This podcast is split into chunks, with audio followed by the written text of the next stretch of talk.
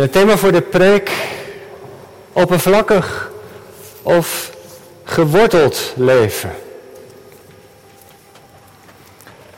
Gemeente van Christus, u thuis, u hier in de kerk. Ik heb er vaak naar gekeken. De prent hing in de huiskamer van mijn opa en oma. De afbeelding van de brede en de smalle weg. Brede weg, groot bord daarboven, uitnodiging, welkom. Heel veel mensen die op die weg lopen. Er zijn allerlei eh, dingen te zien. Plaatsen van vertier, om zo te zeggen. Nou gaandeweg op die weg, als je goed naar de afbeelding kijkt, wordt het somberder. Maken mensen ruzie, schiet iemand een ander dood, is er oorlog en het eindigt in de stad die in brand staat. En aan de rechterkant van de afbeelding een smal weggetje dat omhoog gaat naar de andere stad vol licht. En die weg die begint met een klein poortje waar dan een, een evangelist of een prediker naast staat die de mensen uitnodigt dat smalle pad te gaan. En op die afbeelding bovenin herinner ik me staat een oog. Het beeld voor een alziend oog, het beeld van God die ziet wat je doet en welke keuze die je maakt. Je maakt. En de prent bevat heel veel details. En je kunt er van alles van vinden. Of het niet te schematisch is. En mensen kunnen natuurlijk van de ene weg overstappen naar de andere, naar de smalle weg gaan als ze tot geloof komen. Of als ze helaas afhaken naar de andere kant.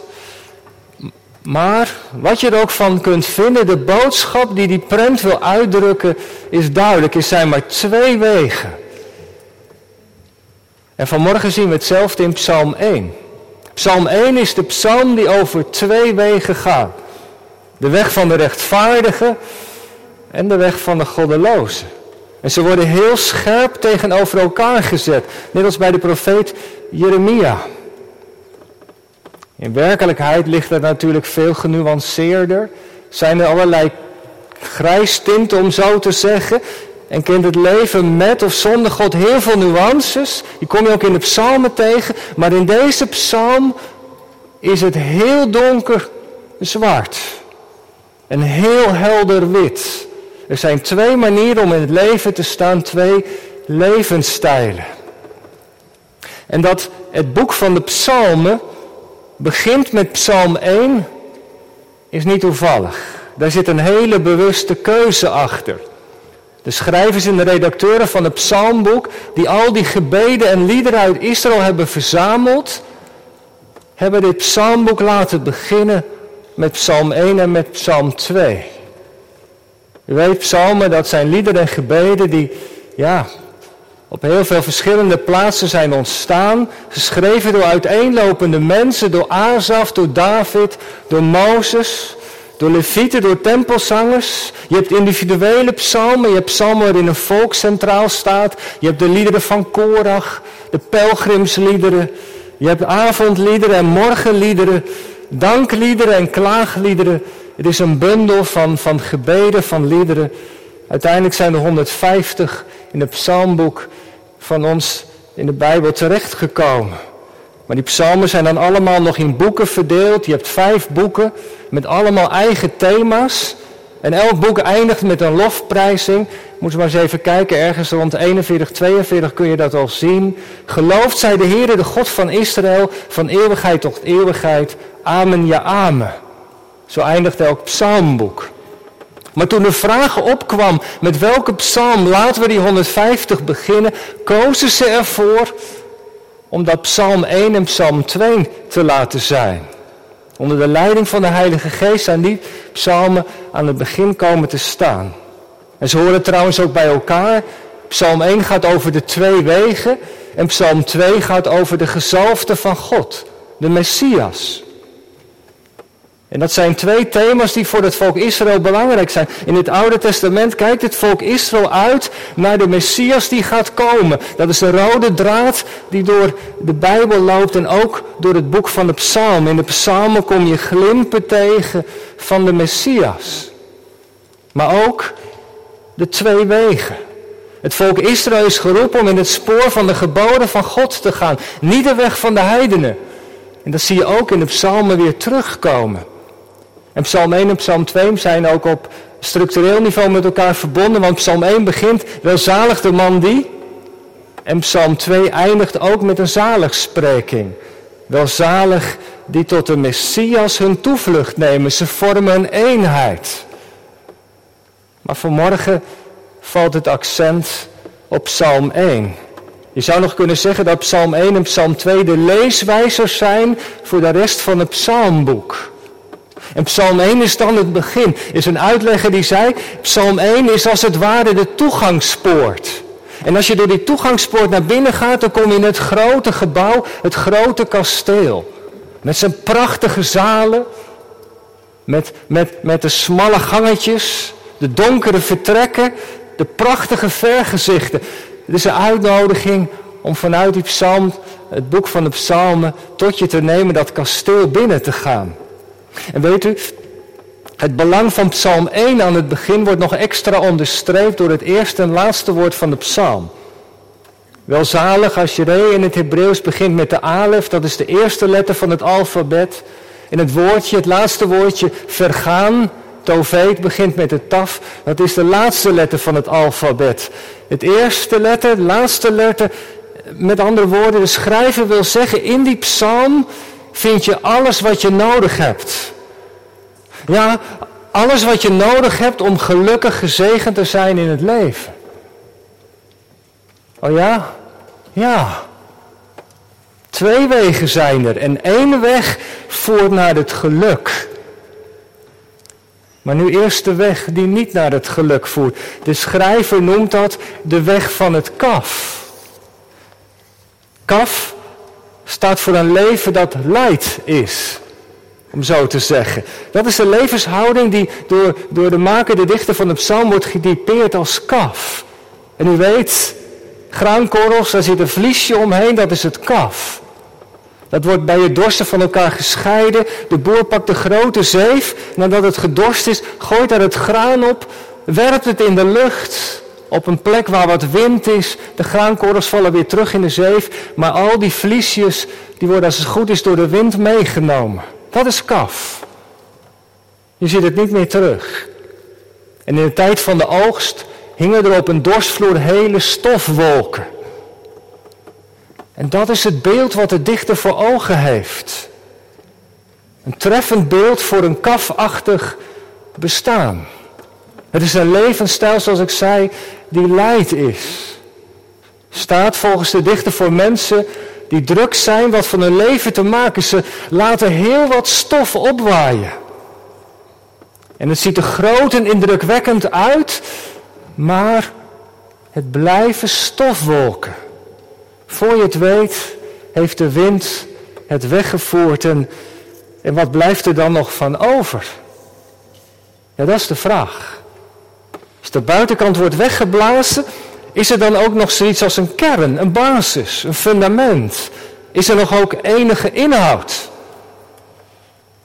Een kafachtig bestaan is heel vluchtig. Het kaf, speelbal om zo te zeggen, van de wind. Het gaat daar waar de wind het heen voert. En dat is nou precies het punt. Het heeft geen houvast, geen anker. Is een leven dat afhangt, zouden we zeggen, van de omstandigheden. Van de publieke opinie misschien. Van de meningen van mensen. Je volgt de wind van je gevoel. Kaf staat voor de mens die meegaat met de stroom. Die zich aanpast aan de verwachtingen. Het heeft aan de buitenkant genoeg, maar het blijft oppervlakkig.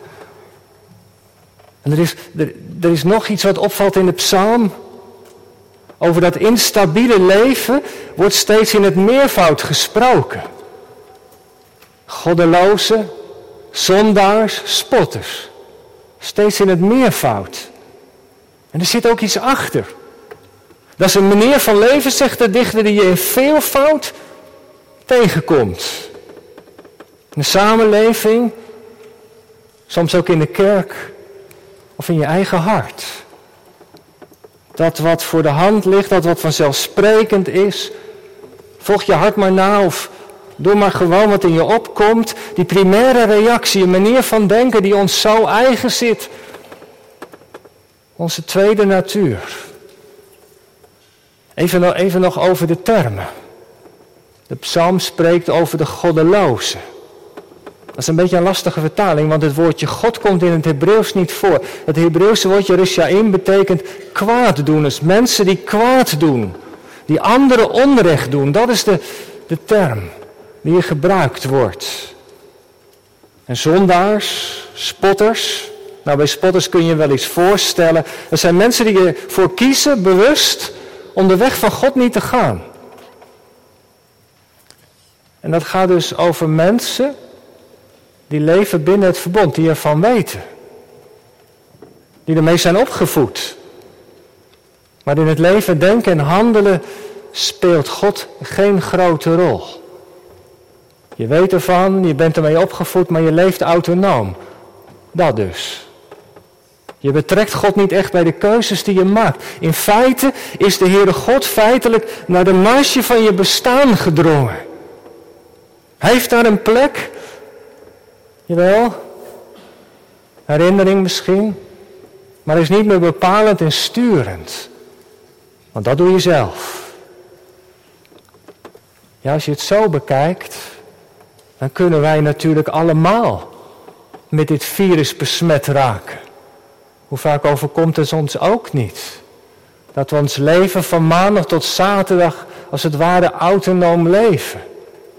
We zijn zo bezig dat de omgang met God onder druk staat.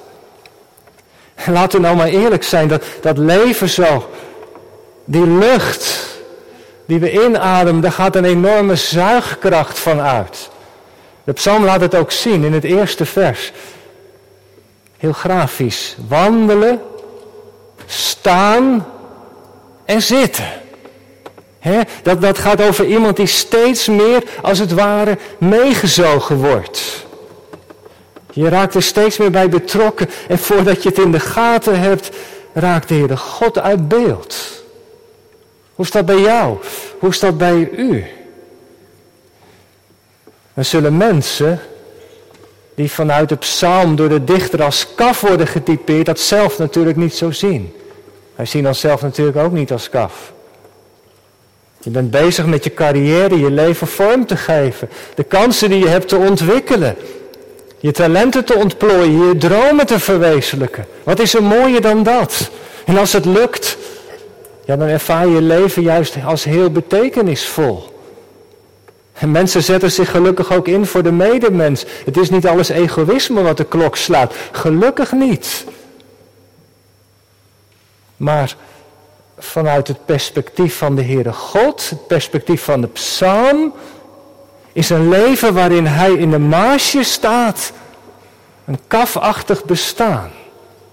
Het heeft geen, geen, geen substantie. Het vliegt op, het verwaait. Als de wind blaast, het is niet opgewassen, ook niet tegen de stormen van het leven. Het heeft geen eeuwigheidswaarde.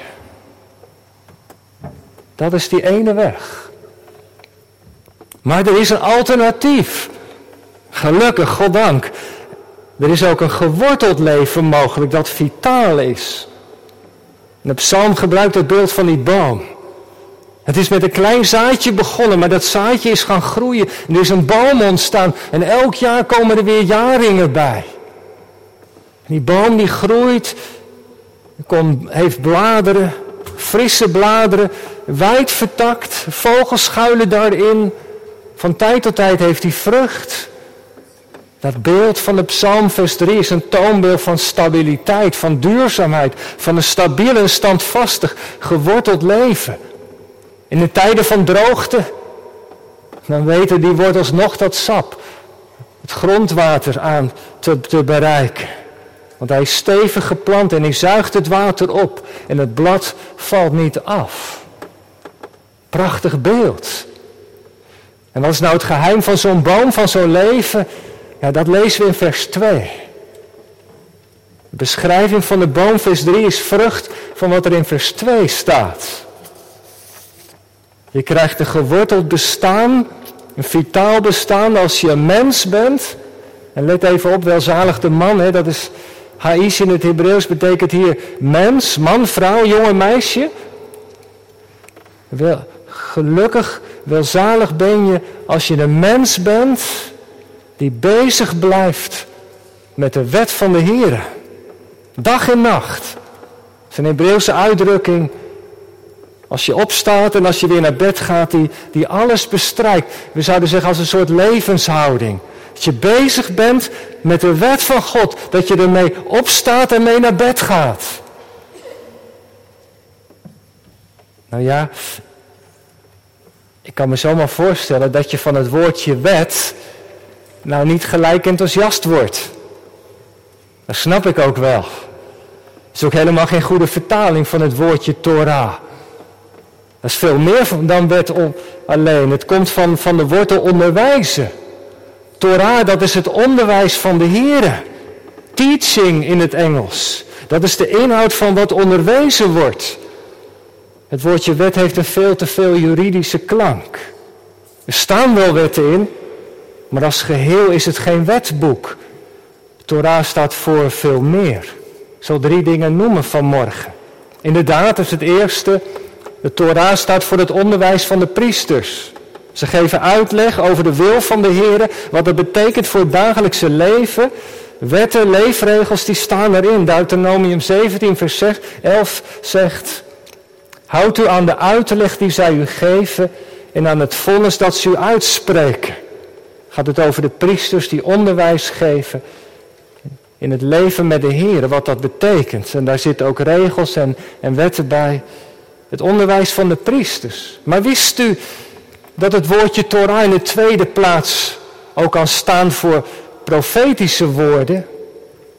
De profeet Jezaja zegt tegen zijn leerlingen, bewaar mijn getuigenis zorgvuldig, verzegel dit onderricht. Torah kan ook staan voor het onderricht van de profeten. De profetische woorden van God zitten ook in de Torah. Ik geef nog een derde voorbeeld. Wist u dat het woordje Torah ook kan gaan over wat je als ouder deelt aan je kinderen? De levenslessen die je als vader of moeder, als je kinderen hebt, aan je kinderen geeft. Spreuken 1 vers 8. Mijn zoon, luister naar de lessen van je vader. Verwaarloos niet wat je moeder je leert. En er staat er in het Hebreeuws de Torah van je moeder. Met andere woorden, Torah staat voor, voor alle woorden van God. De geboden, de profetische woorden, de levenslessen. Het is geen juridische codex, maar achter dat woord van God staat de God van het woord. Staat de levende God zelf. Hij die de bron van het leven is. En dat wil de dichter ons duidelijk maken. Als je bezig bent met die woorden van God, kom je in contact met die God van de woorden. En dan kom je in contact met Hem die de bron van het leven is. En die woorden, die je leest, die je tot je neemt, daar zit levenskracht in. Daar gaat kracht van uit. Vitaliteit. Omdat het de woorden van God zelf zijn wij zouden vanuit het Nieuwe Testament zeggen dat komt omdat de kracht van Gods geest erin meekomt. En weet je, dat zal niet zonder gevolg blijven. Want als je gaat lezen, zoals de dichter ons aanspoort, dan kom je onder indruk van wie God is. Van zijn trouw, zijn genade, zijn majesteit, zijn wijsheid van zijn heiligheid, van zijn zuiverheid. Het woord van God, die Torah van God, vormt een venster op wie God is. Want door die woorden heen leer je Hem steeds beter kennen. Vers 2 zegt, die zijn vreugde vindt in de Torah van de Heer. En weet u dat Hebreeuwse woordje gerfit dat geeft een gevoel, dat drukt een gevoel uit van extreme vreugde. Van voldoening. Van het beantwoorden van diepe verlangens. En dat is de vrucht die van de Torah van God uitgaat. En die vreugde, die zul je van tijd tot tijd ook ervaren.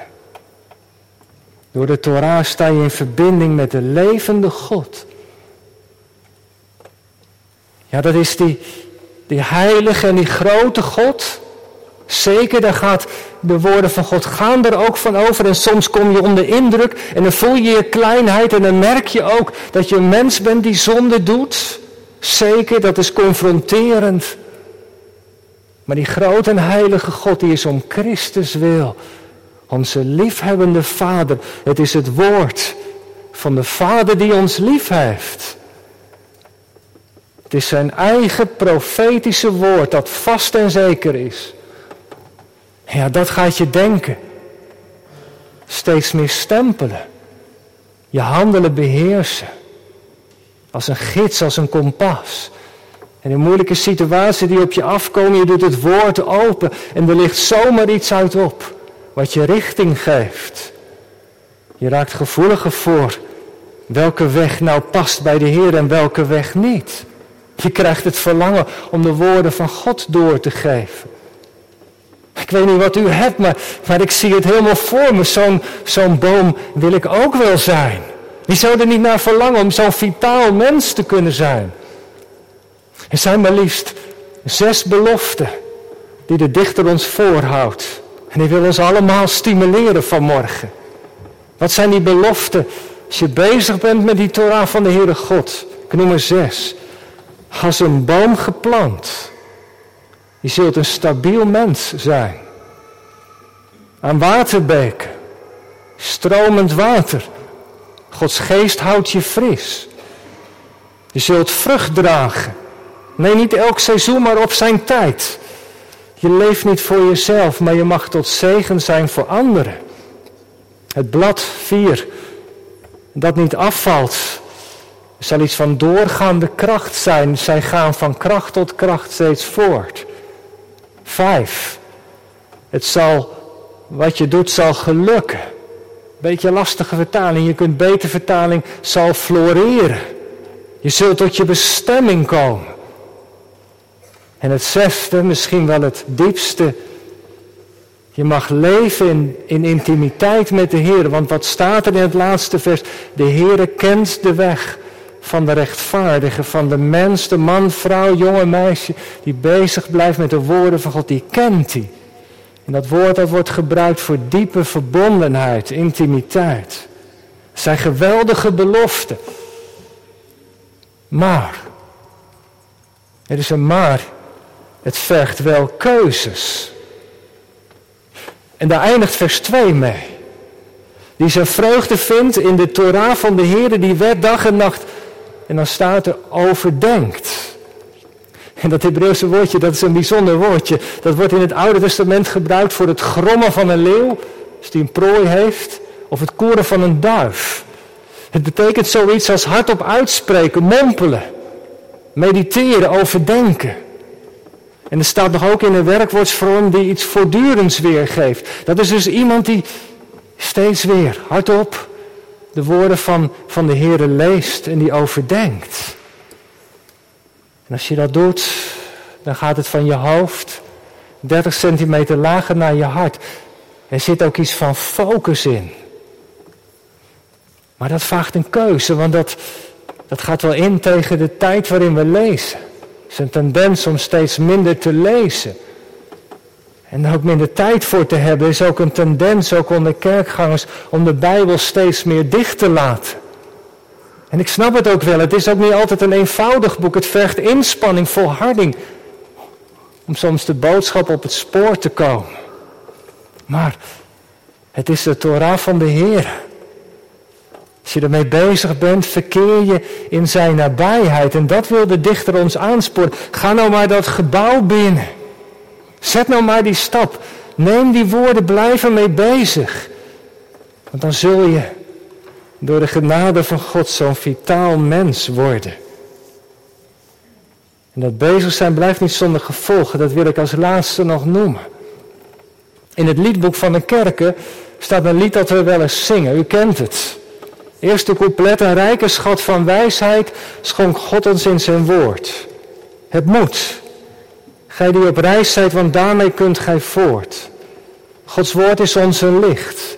En elk die in vertrouwen daarnaar zijn leven richt, en dan komt het, die zal erin aanschouwen des Heren aangezicht. Dat is zo mooi. De dichter zegt, in het woord zien we het aangezicht van de God van het woord. Nou, dat is denk ik helemaal waar. Want ik moest bij die beschrijving van, van de derde vers van die boom, ik weet niet of u dat had. Ik moest toch wel aan de Heer Jezus denken.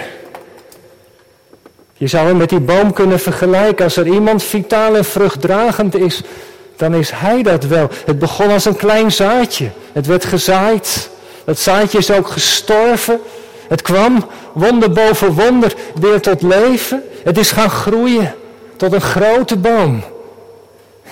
En hoeveel mensen hebben in de schaduw van, zijn, van die takken niet tot hem de toevlucht genomen? Hoeveel mensen hebben niet, zijn niet door hem gezegend? En dat is het. Het overdenken van de Torah brengt ons bij hem die de vervulling van de Torah is. Uiteindelijk verwijzen al die woorden van de schrift naar de Heer Jezus zelf. Naar Hem, onze Heere en Heiland. Naar Hem die alles voor ons heeft volbracht. Die zijn leven voor ons gaf. Hij zei, het zijn de schriften die van mij getuigen. Wie naar de woorden van God zijn leven richt, zal erin aanschouwen. Des Heere aangezicht. Psalm 1 nodigt ons vanmorgen weer opnieuw uit om de weg te gaan van het woord. Want die weg, die brengt ons bij Christus. Die brengt ons bij Hem die verzoening voor ons deed. En die ons ondanks alles wat we hebben gedaan, toch lief heeft. En weet u, dat beseffen, dat geeft vreugde. De vreugde die alle verstand te boven gaan. Ja, nu begrijp ik waarom de dichter van de psalm zegt, welzalig, gelukkig ben je. Als je bezig bent met de woorden van de Heer en vreugde daarin vindt, want in de Torah van de Heer, te bezig zijn met het woord, zie je er zijn aangezicht. Het aangezicht van onze Heer en Heiland. Wat een vreugde. Amen.